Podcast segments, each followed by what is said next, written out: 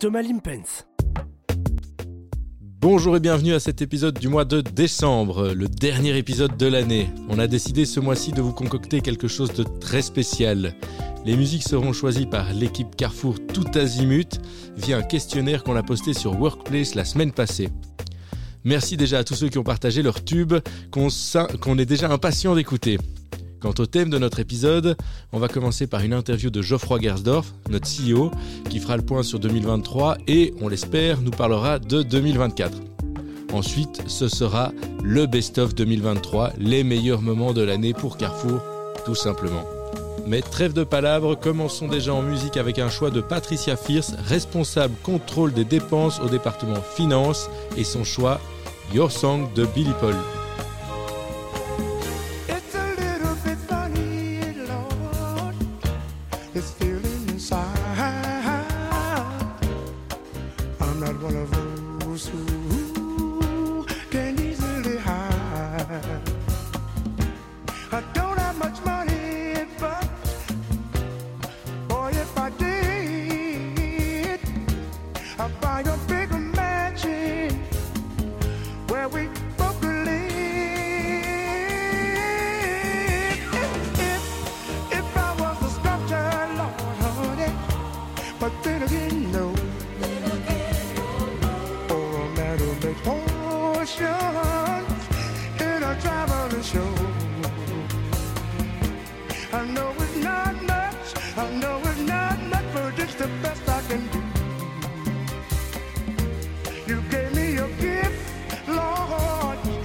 I'm gonna sing it for you. And you can tell everybody that oh, this is your song. This is your song. It may be a quite, quite just simple, but uh, that's how it goes.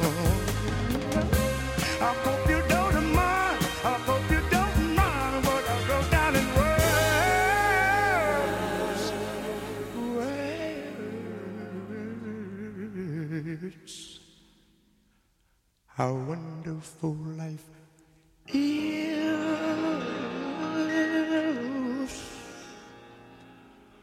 when you're in the world,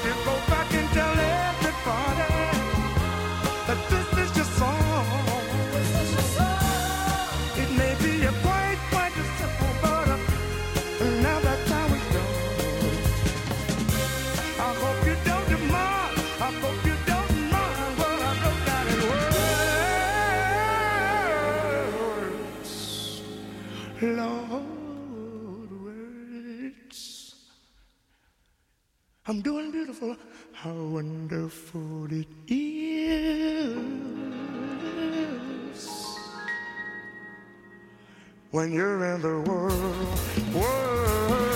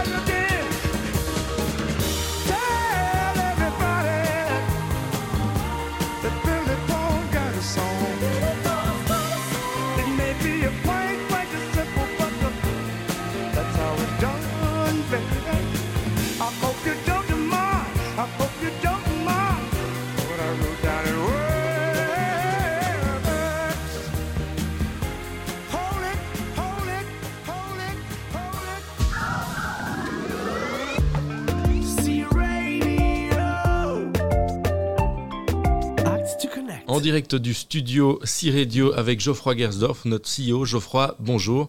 Bonjour Thomas, bonjour à tous. Alors Geoffroy, on est là pour parler de l'année 2023, dernier épisode de l'année pour nous.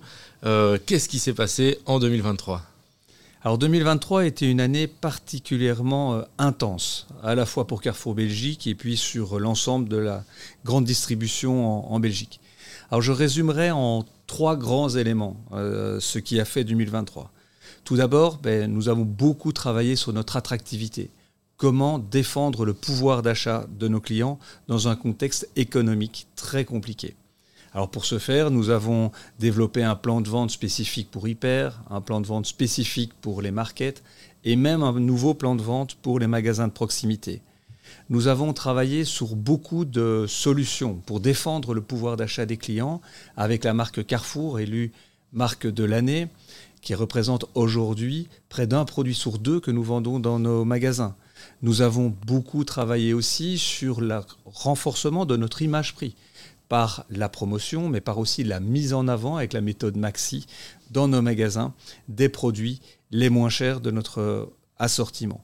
Nous avons beaucoup travaillé sur nos produits frais et en même temps renforcé la puissance de notre non alimentaire. Ça, c'est l'aspect pouvoir d'achat, attractivité de nos magasins. Le deuxième sujet, c'est que nous avons stabilisé des sujets qui nous tiraient vers le bas. On va penser à notre logistique qui a été très bien stabilisée. On est aujourd'hui à près de 95% de, taux de service, ce qui est euh, très bien. Nous avons aussi, alors qu'on a une, IT très vétuste, mais minimiser euh, l'ensemble des problèmes que nous avons. Nous en avons toujours, mais nous avons, en repartant du magasin, essayé de solutionner les irritants de chacune de nos points de vente. Et enfin, et c'est peut-être l'élément le plus rassurant, c'est que notre plan stratégique Carrefour 2026 montre des premiers résultats encourageants. Nous l'avons vu dans une année particulièrement compliquée comme l'année 2023. Les axes de travail que nous avons pris, les paris que nous prenons sont les bons et répondent de mieux en mieux aux attentes. Nous gagnons de la part de marché, nous augmentons notre chiffre d'affaires et notre Net Promoter Score, la satisfaction de nos clients, s'améliore aussi. Maintenant, il faut consolider tout ça. Du positif donc sur 2023. Et alors 2024, qu'est-ce qu'on attend? Alors 2024 serait une année tout aussi passionnante, je n'en doute pas, avec euh, quelques changements quand même majeurs au niveau de l'économie. On va plus avoir d'inflation, on va avoir même peut-être de la déflation. On voit bien aussi que le paysage de la grande distribution euh, change beaucoup et donc euh, on va avoir aussi des concurrents qui se sont renforcés et donc à nous à relever tous ces challenges, à tirer tout le potentiel de Carrefour Belgique et s'appuyer sur les succès de 2023 pour faire de 2024 une année tout aussi exceptionnelle. Impatient de débuter 2024 euh, à fond, du coup. Euh, Est-ce que tu as encore un, mot à partager, Geoffroy, une communication à faire à nos équipes? Alors deux, euh, très certainement. Le premier, mais c'est merci. Merci pour votre euh, engagement au quotidien, merci pour votre travail individuel et collectif. Chacun a une responsabilité propre et collective. Merci donc pour les résultats de cette première année 2023 de notre plan stratégique. Et puis, le deuxième, mais profitez de ces fêtes de fin d'année pour prendre du temps pour vous, pour prendre du temps pour vos proches, pour votre famille. Ce sont des moments très particuliers et donc euh, à côté de tout l'univers Carrefour, du travail qui est le nôtre, eh bien c'est prenez du temps pour vous, prenez soin de vous et puis au plaisir de vous rencontrer en 2024. Merci Geoffroy, on va prendre le temps pour nous pendant ces fêtes et, euh, et, et débuter 2024 en pleine forme. Merci beaucoup. Poursuivons en musique avec un choix de Sylvain Dante qui travaille au développement de l'offre non-food à la marchandise. Il a choisi Fireworks de Katy Perry. Do you ever feel like a plastic bag?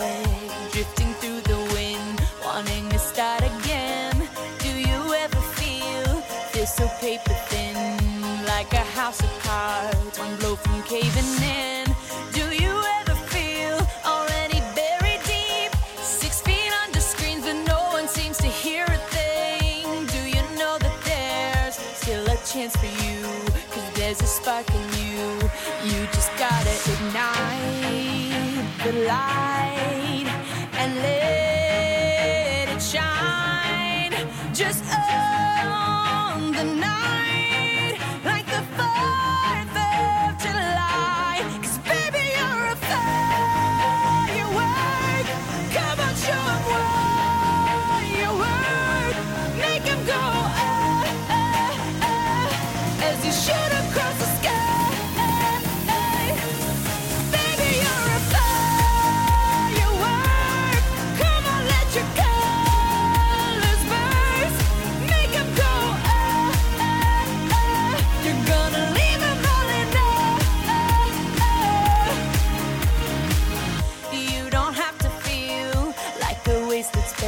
Peace.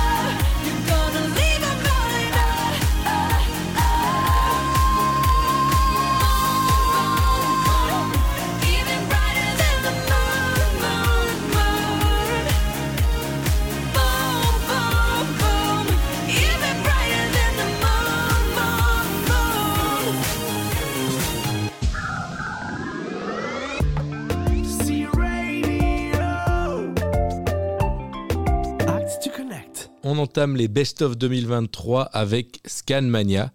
Durant le mois d'octobre, Carrefour a lancé une campagne Scanmania, une avalanche d'actions commerciales pour nos clients. Scanmania, c'est finalement trois ingrédients. De l'offre commerciale forte, euh, un jeu pour les consommateurs et une animation en magasin. Et ce, pendant tout le mois. Et le moins que l'on puisse dire, c'est que la mayonnaise a pris. L'affluence en magasin a été un succès, les volumes commandés sont super importants et nos clients sont ravis. On attend donc avec impatience les nouvelles actions commerciales de 2024 pour se faire plaisir en achetant beaucoup chez Carrefour. Le prochain tube a été choisi par Philippe Mertens, responsable de la communication interne, et son choix de chanson c'est Tattoo de Laurine.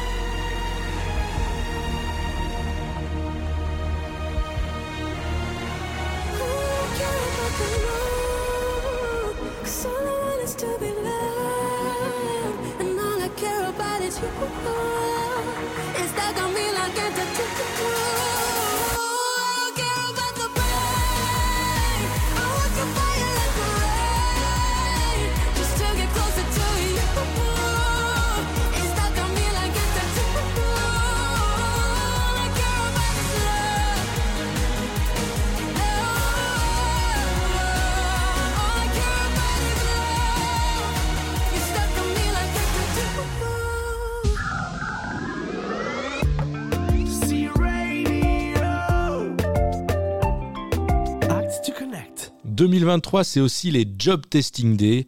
On retrouve tout de suite Marc-Antoine qui a interviewé Tristan Devray à ce sujet. Je suis avec Tristan qui va nous raconter un peu ce qu'était euh, l'initiative Job Tasting en 2023. Est-ce que c'est un succès et peut-être est-ce que ça va recommencer l'année prochaine? Oui, merci beaucoup. Alors, le Job Tasting Day, c'est quoi? Euh, On a remarqué depuis Covid que le marché du travail, c'est sous pression.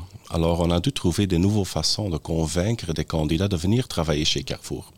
Alors, c'est ça qu'on a inventé, entre parenthèses, les Job Tasting Day.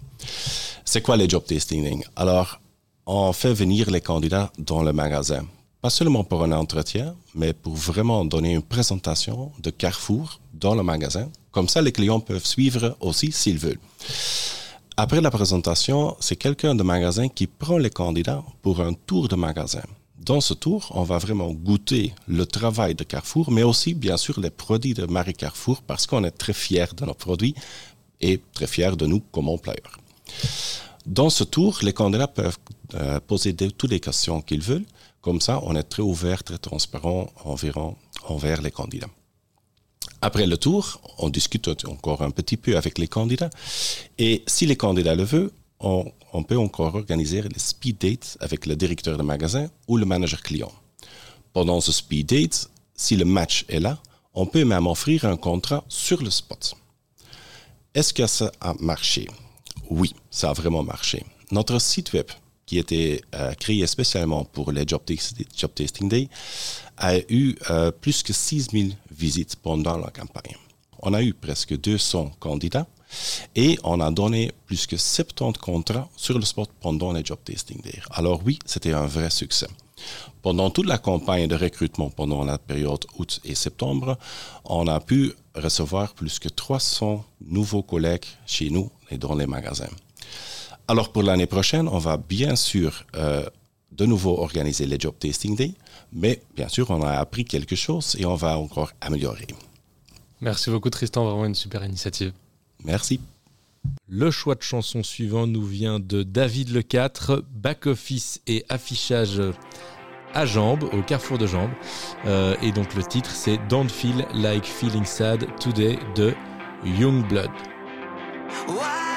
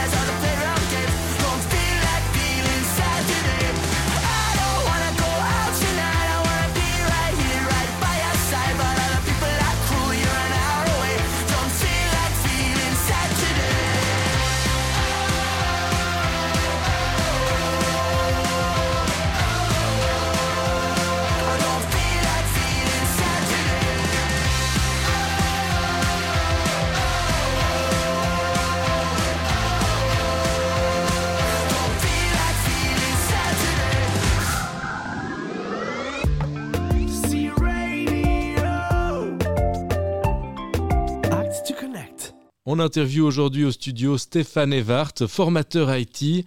Euh, Stéphane, bonjour. Bonjour Thomas. Alors Stéphane, euh, il y a eu du nouveau sur, sur l'IT en magasin, sur les avancements digitaux. Que- quels sont-ils sur cette année? Eh bien Thomas, euh, d'abord peut-être merci euh, de nous accueillir et de nous permettre de présenter cela euh, sur C Radio. Donc au niveau des avancements digitaux, quand on parle des avancements digitaux, la première chose qui me vient à l'esprit, c'est essentiellement le déploiement d'FNR euh, dans la plupart de nos magasins intégrés euh, et maintenant aussi euh, dans certains de nos magasins franchisés et ce sera le challenge de l'année prochaine de déployer FNR dans nos magasins franchisés. Donc FNR, un, petit mot là-dessus, c'est le nouvel outil de commande hein, euh, dans le but d'améliorer notre efficacité et de simplifier le système de commande pour euh, les magasins. Donc nous sommes à fond là-dessus. Euh, le deuxième point qui me vient à l'esprit, évidemment, c'est euh, le nouvel appareil euh, Falco que l'on a déployé dans nos magasins intégrés. Donc le rollout magasin intégré a été terminé euh, ici en 2023, euh, qui améliore lui aussi euh, l'efficacité et le travail de nos collègues en magasin. Donc comme je l'ai dit, magasin intégré totalement déployé et c'est aussi l'objectif de 2024 d'apporter ça à nos amis franchisés. Donc la grosse différence ici avec le Falco, c'est qu'on parle en réalité de deux choses. On parle du Falco qui est l'appareil en lui-même, donc l'outil qui va non seulement à terme remplacer ce que l'on connaît en magasin, le Falcon, mais qui va devenir essentiellement l'outil principal de tous nos collaborateurs dans le magasin. Et ensuite, les deux applications euh, nouvelles qui sont dessus, qui sont Falcon as an app et la réception, qui elles ont pour but de remplacer tout ce que l'on est capable de faire aujourd'hui avec la radiofréquence. Euh, voilà, la grosse nouveauté là-dedans, c'est que grâce à ça, on fonctionne dans un seul et même écosystème, donc plus différents écosystèmes qui ont chacun leur propre méthode de fonctionnement, mais bien un écosystème. Et donc ça facilite le travail en magasin, ça rend les choses plus efficaces. Et voilà, ça c'est les deux gros points que l'on a lancés hein, cette année en 2023 et que l'on va continuer pour la franchise en 2024. Super, ben, bravo pour, euh, pour l'année accomplie et bonne chance pour euh, 2024 alors Stéphane. Merci Thomas. Merci d'être venu. On en profite pour écouter un nouveau choix de chanson, celui de Vincent Vandenbroek, manager service center FNR. Vincent qui nous épaule également à la C-Radio pour euh, tout ce qui est montage. On remercie Vincent pour ça. Son choix de chanson, c'est donc Follow the Sun de Xavier Rude.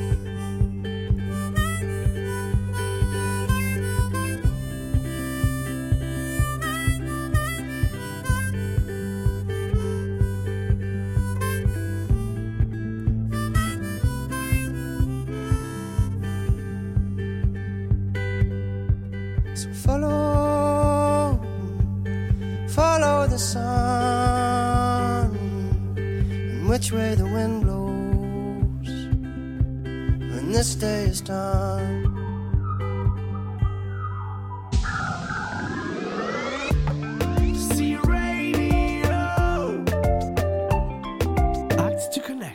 On aborde le quatrième sujet de l'épisode qui a marqué notre année 2023, c'est les éclairs au chocolat pâtisserie préférés des Belges.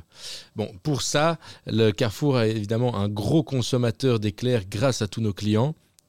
Nos éclairs sont produits dans nos nouveaux ateliers à Ternat, ils représentent 9% de toute la catégorie pâtisserie.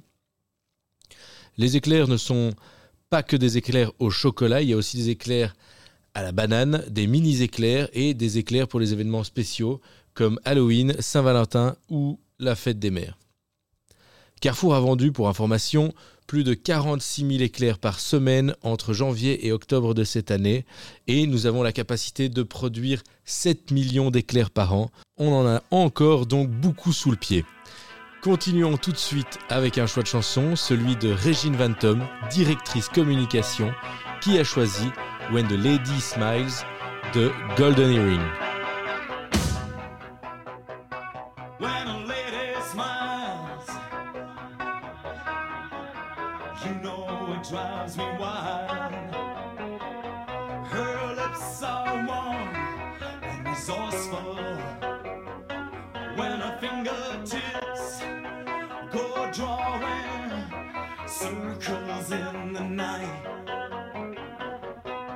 mood is soft and sensual.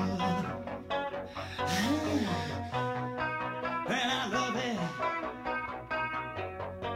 Yeah, I love it.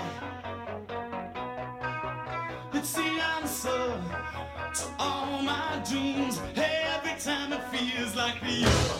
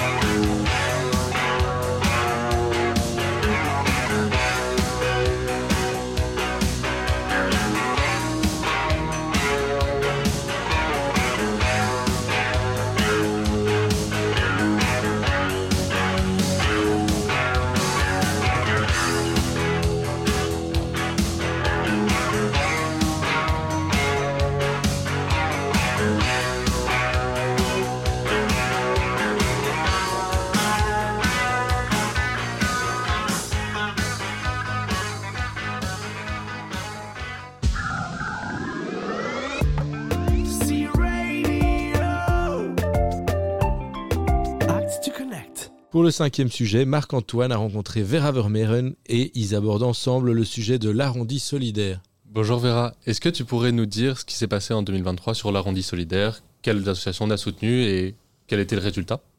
Oui, Euh, donc nous avons récolté euh, au total près de 500 000 euros pour de bonnes causes euh, cette année grâce à l'arrondi solidaire. Donc on demande aux clients d'arrondir leur ticket de caisse vers l'euro supérieur et cet argent on, on verse à de nombreuses organisations. Et donc une fois par an nous organisons un arrondi pour nos partenaires de longue durée comme SOS Village d'enfants ou Pink Ribbon. On arrive à récolter toujours de belles sommes pour soutenir leurs projets en Belgique. Et en outre, nous organisons parfois, si ça arrive, un arrondi pour euh, offrir de, de l'aide d'urgence, euh, comme ça, a été le cas cette année euh, avec les victimes des tremblements de terre de Syrie, Turquie, ainsi qu'au Maroc. Et donc cet argent, on verse à la Croix-Rouge qui organise sur place de l'aide d'urgence pour les victimes. Et enfin, en cette fin d'année, euh, nous avons souhaité euh, mener une action en faveur de notre partenaire de la bourse Odon et euh, les organisations d'aide alimentaire avec qui nos magasins travaillent déjà tout au long de l'année. Et ça nous a permis de récolter près de euh, 75 000 euros que Carrefour va maintenant doubler. Et ce qui nous amène à une belle somme de près de 150 000 euros pour ces organisations avec qui on travaille déjà tout au long de l'année. Super, merci beaucoup Vera pour toutes ces informations. Avec plaisir. Une nouvelle chanson d'un collaborateur Carrefour, cette fois-ci Guy Pechstad. Master Data Governance Officer au département Finance, il a choisi SOS de ABBA.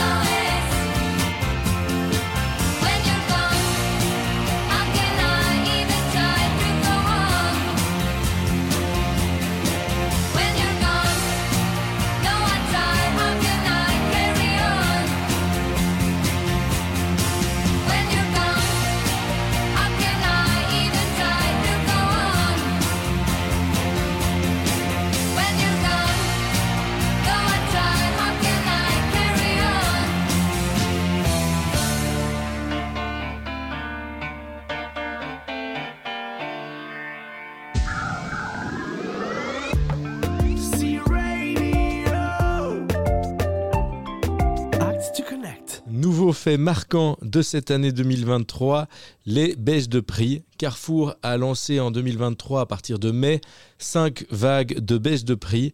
Ceci pour lutter contre la baisse du pouvoir d'achat de nos clients et leur offrir donc des produits abordables. Suite à ce nouveau thème, on a à nouveau droit à une chanson, la chanson choisie par Yann Van Arendt, manager client à Coxide, et Yann a choisi Fake ID de Riton, Calo et Gilly. Three, six, nine girls wanna drink wine. Tell the man not to waste your time. If the man broke, the man he a joke. So you gotta get loose with the henny and the coke. Three, two, one, girls wanna have fun. If the man don't dance, he's done. Tell him move on, get the man gone. Now can I get a coke with my rum? Three, six, nine girls wanna drink wine. Tell the man not to waste your time. If the man broke, the man he a joke. So you gotta get loose with the henny and the coke.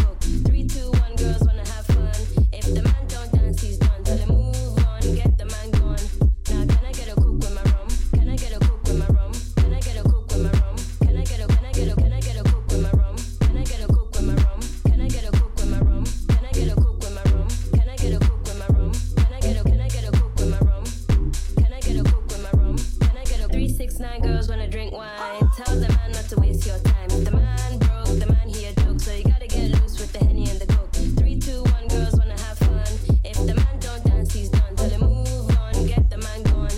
Now can I get a coke with my rum? Two four eight, some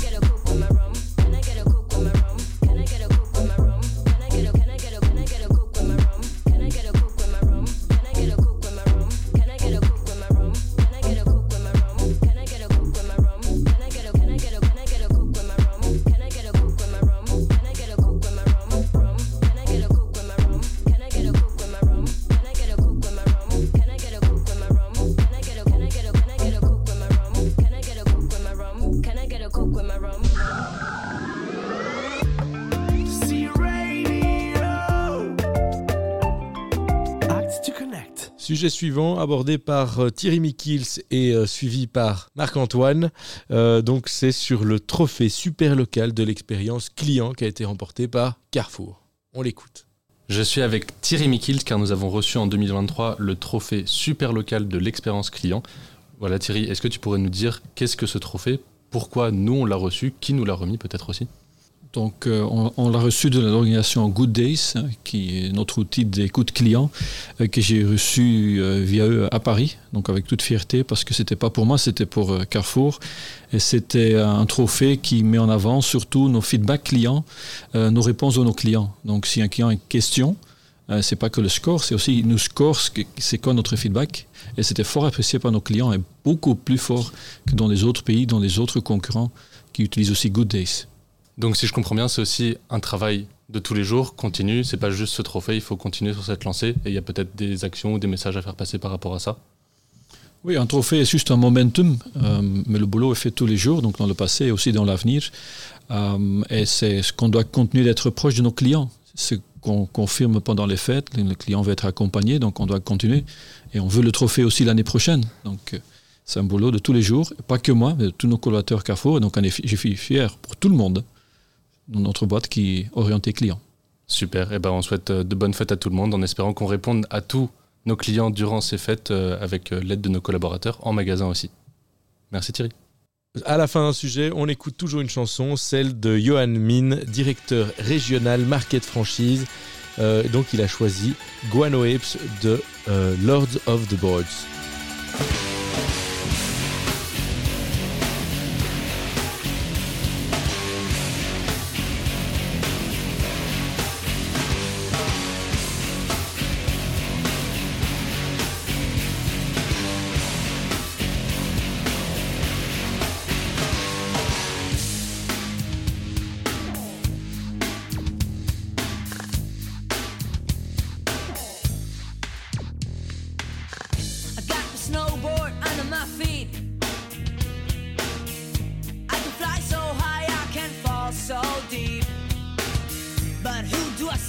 Coming up the track. A little green man with a snowboard on his back. And now I'm flying like an angel to the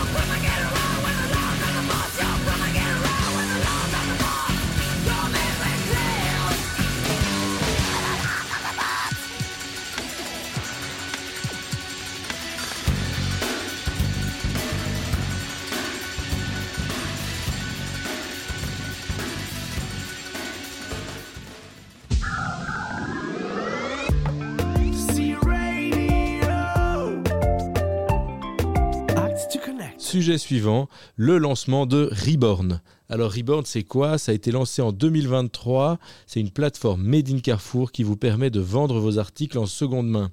Cela permet également à Carrefour d'écouler des fins de stock de produits non alimentaires. Très pratique. Essayez-le, vous allez l'adorer. On en profite pour poursuivre directement en chanson avec un choix de Antion Kenneth, assistant commercial food au, carrefour de Sindonace. Il a choisi Blink 182, One More Time. Strangers, from strangers into brothers, from brothers into strangers once again. We saw the whole world, but I couldn't see the meaning. I couldn't even recognize my friends.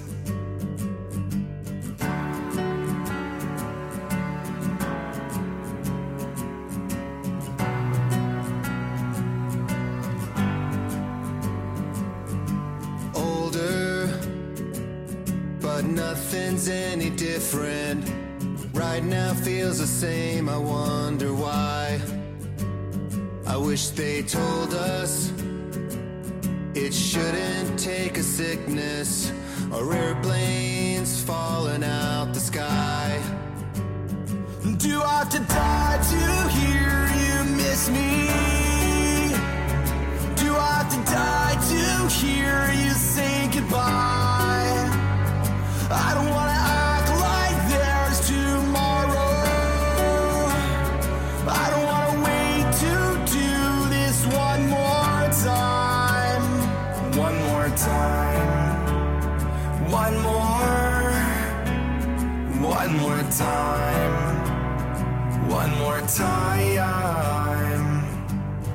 you.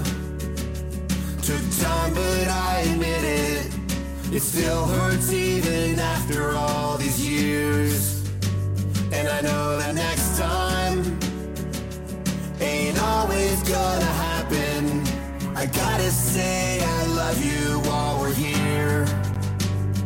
Do I have to die to hear you miss me? Do I have to die to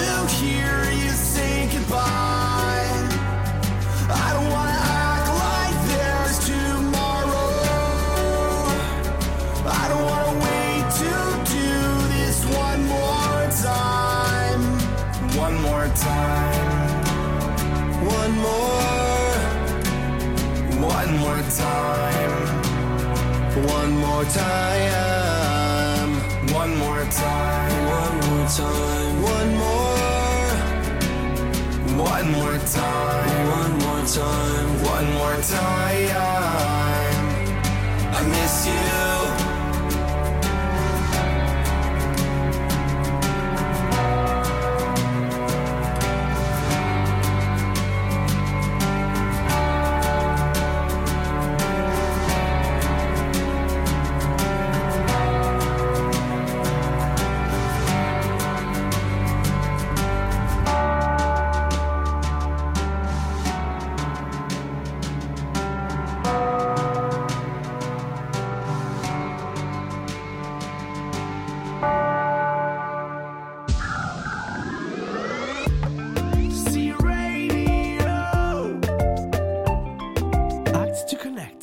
Dernier sujet et pas des moindres, celui que Marc-Antoine va aborder avec Marine Bresson à propos du RSE. On les écoute tout de suite. Bonjour Marine, est-ce que tu pourrais nous parler des grandes réalisations RSE sur l'année 2023 Oui, alors euh, la RSE, c'est la responsabilité sociétale des entreprises.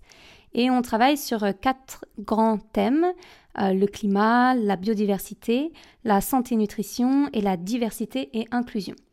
Et pour les grandes réalisations euh, de cette année 2023, donc tout d'abord sur le climat, on a euh, travaillé euh, avec les magasins sur tout ce qui est réduction d'énergie, réduction de nos consommations électriques, de fluides réfrigérants et notamment on a travaillé beaucoup avec les énergies masters et tout ceci nous a permis de réduire le bilan carbone de Carrefour. Ensuite, sur tout ce qui est climat et biodiversité, on a travaillé sur les déchets. Euh, pour ceci, donc on a augmenté le nombre de euh, paniers euh, Too Good To Go que l'on a vendus, également du pain de la veille, et on a également augmenté nos dons à la bourse aux dons, donc à toutes les associations qui peuvent être dans le besoin, en leur donnant nos produits qui ne sont plus commercialisables mais encore consommables.